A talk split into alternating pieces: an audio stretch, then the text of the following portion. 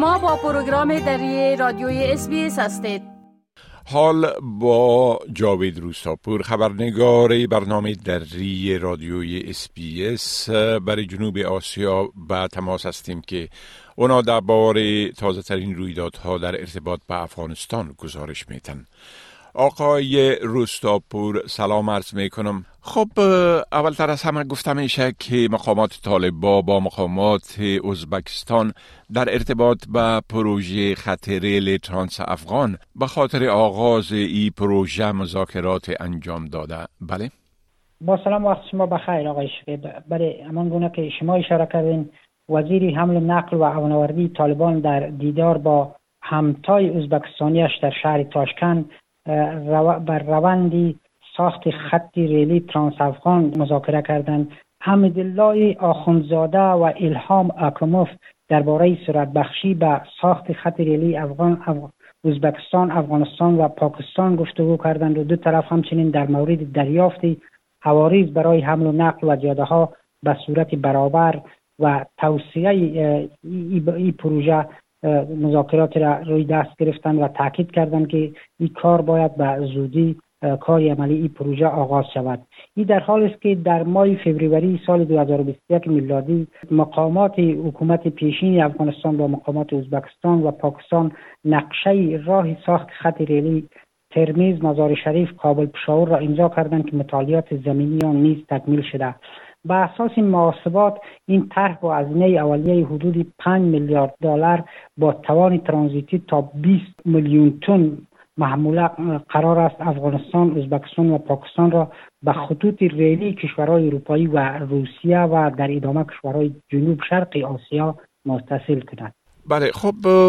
طالبا مدعی هستند که بیش از یک میلیون جریب زمین از غاصبین پس گرفتن بله بله. مقامات طالبان ادعا کردند که در 15 ماه گذشته بیش از یک میلیون جریب زمین دولتی را از تصرف غیر قانونی اینا آزاد کردند. عبدالحکیم شرعی سرپرست وزارت عدلیه گروه طالبان و رئیس کمیسیون جلوگیری از غصب و استرداد زمین های دولتی در یک سفری که به ولایت پروان داشت در میان مردم گفت که در 15 ماه گذشته یک میلیون و 500 هزار جریب زمین غصب شده را در سراسر کشور یا از چنگ غاصبین آزاد کردند و این روند همچنان ادامه دارد.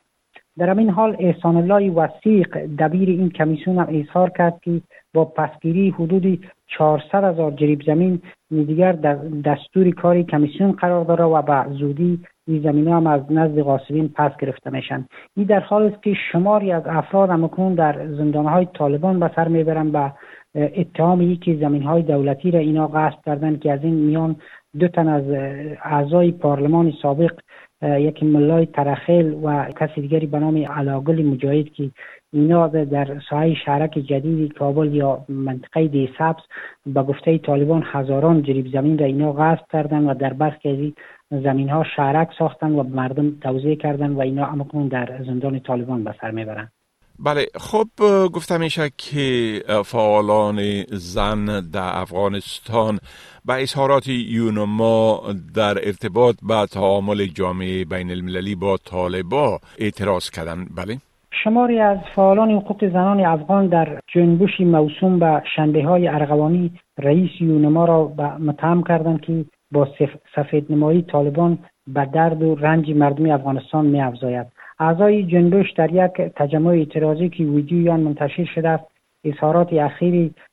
رئیس یونما را در نشست شورای امنیت سازمان ملل محکوم کردند و با اشاره به محدودیت های طالبان بر زنان گفتند که یونما باید به ارزشها و منشور سازمان ملل احترام بگذارد. این زنان همچنان از جامعه جهانی خواستند که با افزایش فشارها بر طالبان آنان را وادار کنند تا حقوق مردمی افغانستان به ویژه حقوق زنان را رعایت کنند معترضان همچنین رهایی بدون قید شرط زنان معترض فعالان حقوق بشر خبرنگاران و نظامیان پیشین را از بند گروه طالبان خواستار شدند. این در حال است که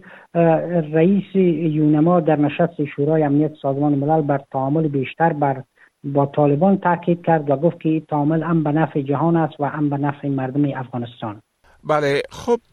صندوق نجات اطفال میگه که یک سوم کودک ها در افغانستان کارهای شاقه می‌کنن ولی طالب با این گزارش رد کرده بله؟ برای صندوق بین‌المللی نجات کودکان در تازه ترین گزارشش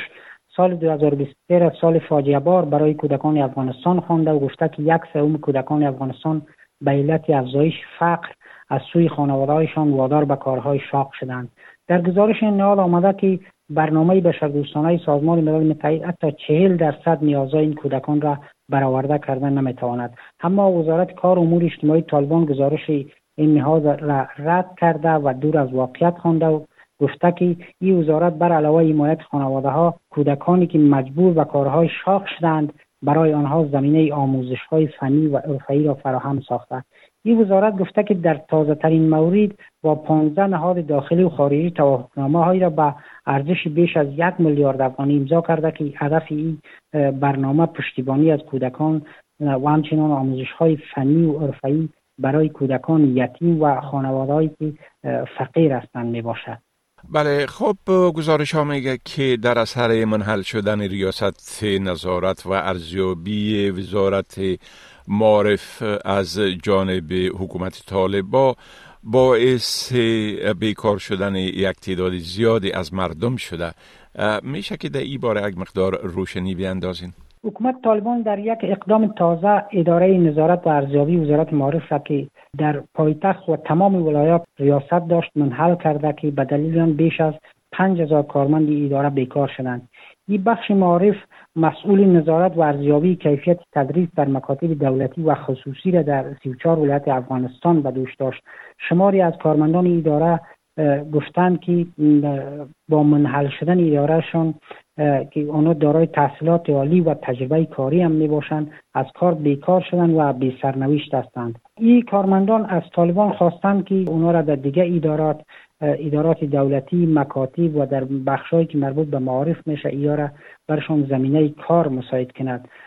ولی طالبان تا کنون به صورت رسمی در این خصوص چیزی نگفتند. این در حال است که در سالهای گذشته هم طالبان شماری از وزارتخانه ها را و همچنان ادارات حکومتی را اینا منحل کردند که هزاران کارمند اداره به سرنوشت ماندند و گفته می‌شد که تعداد اندکشان در ادارات دیگر پذیرفته شدند بله خب بسیار تشکر آقای روستاپور از گزارشتان و فعلا شما را به خدا می سپارم روزتان خوش. وقتی شما هم خوش. خدا حافظ ناصرتان.